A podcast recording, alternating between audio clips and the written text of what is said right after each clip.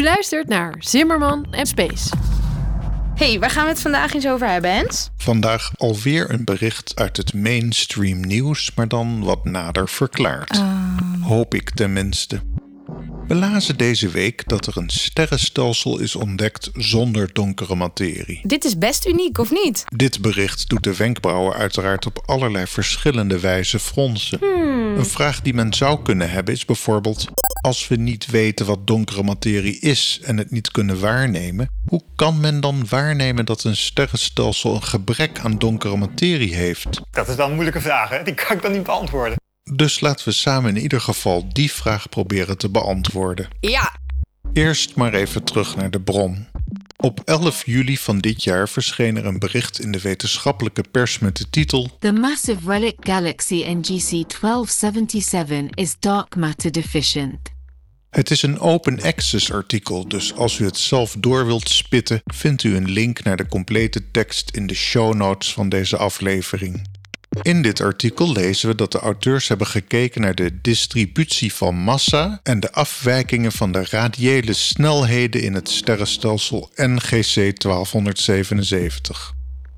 De conclusie die zij trokken is dat sterrenstelsel NGC 1277 niet of nauwelijks donkere materie bevat.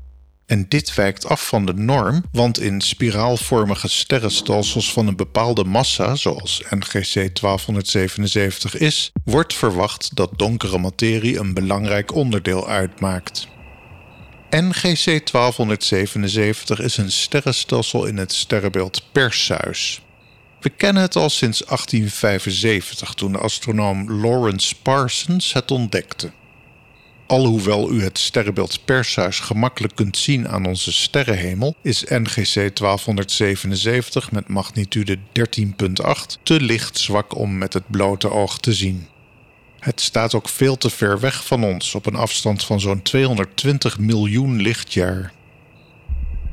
De huidige theorie van het ontstaan van sterrenstelsels, zoals ook onze Melkweg, stelt dat er sprake is van twee fases. In de eerste fase ontstaat de kern van een sterrenstelsel uit een relatief compacte gaswolk. Er ontstaan dan snel veel nieuwe sterren. Daarna breekt de tweede fase aan waarin materiaal uit de omgeving wordt aangetrokken. Een sterrenstelsel wordt dan veel groter en er ontstaat een ijlere halo omheen, die uit zowel sterren als donkere materie bestaat. Een enkel sterrenstelsel komt niet toe aan die tweede fase, misschien omdat het in isolatie is ontstaan op een plaats waar geen materie kon worden aangetrokken uit de omgeving. Hallo? Dit is hoogst zeldzaam en de sterrenstelsels die geen tweede fase in zijn gegaan, noemen we ook wel relic galaxies. Zo'n sterrenstelsel is als het ware een overblijfsel uit het prille heelal. NGC 1277 is uiteraard zo'n relic galaxy, dat was al bekend. Een paar jaar geleden werd middels spectroscopisch onderzoek al aangetoond dat NGC 1277 uitsluitend oude sterren bevat. Dat er met andere woorden geen stergeboortes meer plaatsvinden.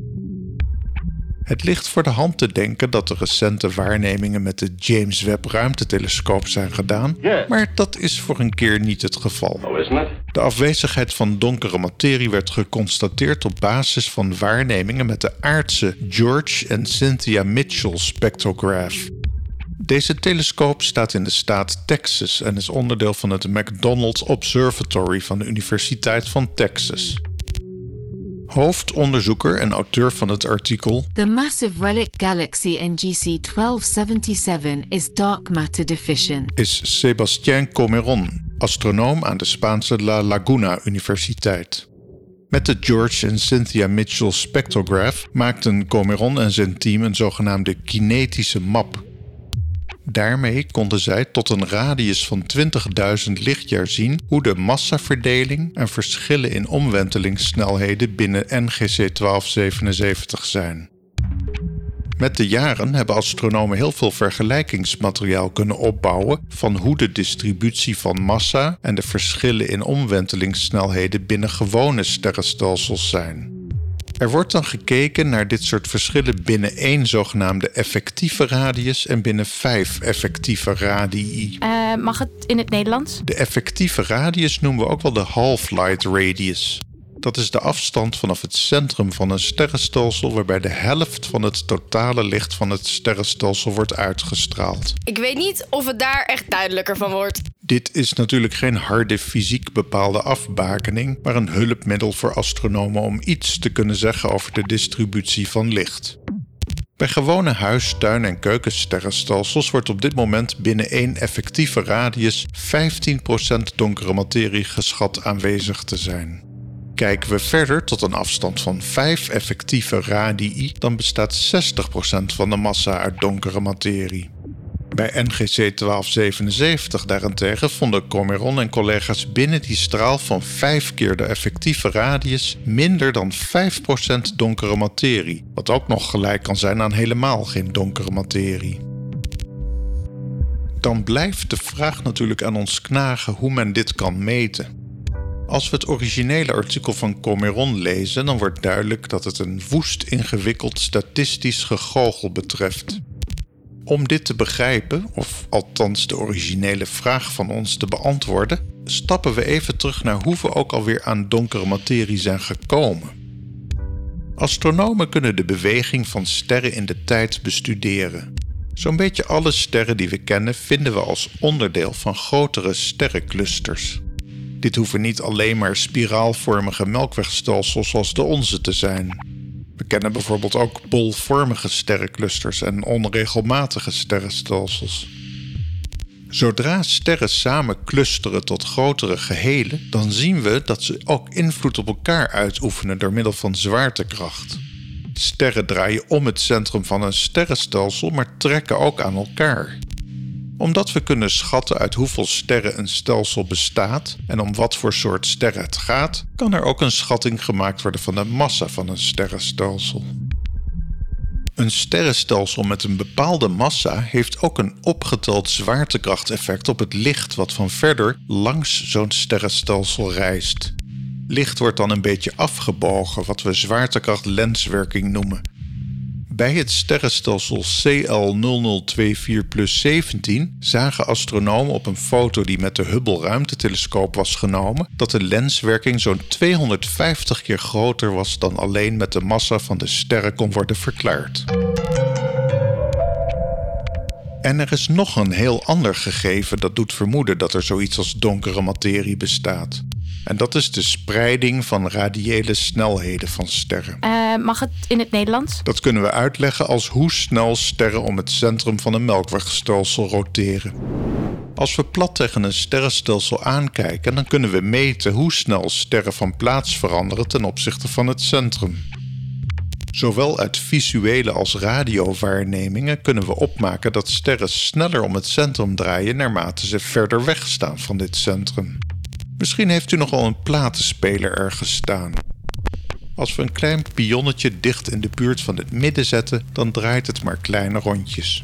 Een pionnetje helemaal aan het uiteinde van de plaat draait een rondje in dezelfde tijd, maar legt daarbij een veel grotere afstand in de tijd af.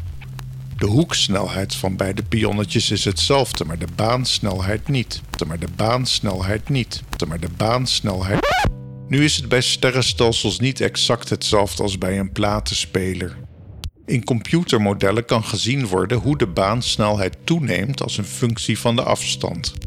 Maar, en nu komt het, de praktijk laat iets heel anders zien. Sterren draaien veel sneller rond dan verwacht. Iets wat alleen met zoiets als donkere materie verklaard kan worden. Oh ja, inderdaad. We zouden het misschien beter onzichtbare of doorzichtige materie kunnen noemen, want we kijken er eigenlijk dwars doorheen. Maar de zwaartekrachteffecten zijn wel zichtbaar.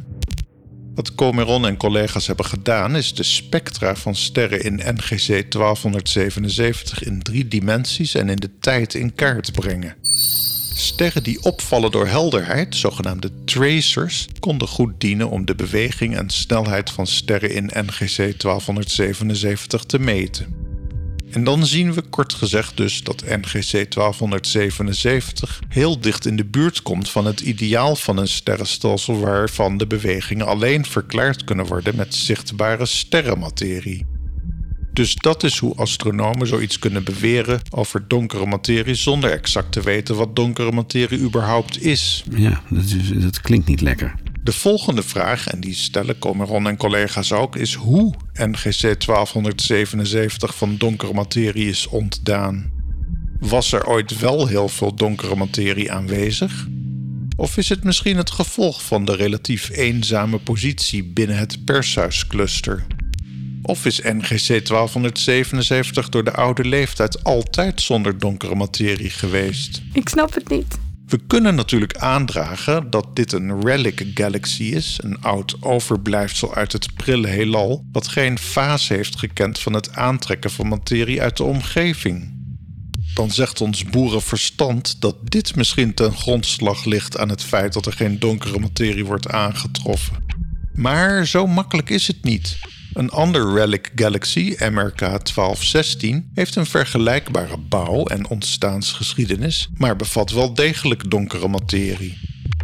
De auteurs houden het er voorzichtig op dat NGC 1277 mogelijk geboren werd met minder donkere materie dan vergelijkbare sterrenstelsels, maar meer onderzoek is nodig om hier zekerder van te zijn. Ja, daar konden we natuurlijk op wachten. Het kan ook best zijn dat dit soort superoude sterrenstelsels in hun lange bestaan ontdaan zijn van donkere materie door ontmoetingen met andere sterrenstelsels. Door nog gedetailleerdere waarnemingen van de omgeving van NGC 1277 te doen, zou misschien iets gezegd kunnen worden over de interactie met andere sterrenstelsels in de afgelopen miljarden jaren. En wie weet wordt er, al dan niet met de James Webb ruimtetelescoop, wel een keer een sterrenstelsel ontdekt dat juist overdreven veel donkere materie moet bevatten. Dat zou dan weer een aanwijzing kunnen zijn dat sterrenstelsels donkere materie bij elkaar kunnen weghalen. Wat denkt u? Is het gewoon één grote rekenfout? Of denkt u dat de raadsels omtrent donkere materie binnen afzienbare tijd opgelost kunnen worden? Ik hou zelf serieus de mogelijkheid open dat een deel van het heelal geheel buiten onze waarneming ligt en ook blijft. En dat donkere materie en misschien ook donkere energie altijd een raadselachtige missende factor zullen blijven. Hoe dat ook zij, tot de volgende keer. Time and space are not impassable barriers.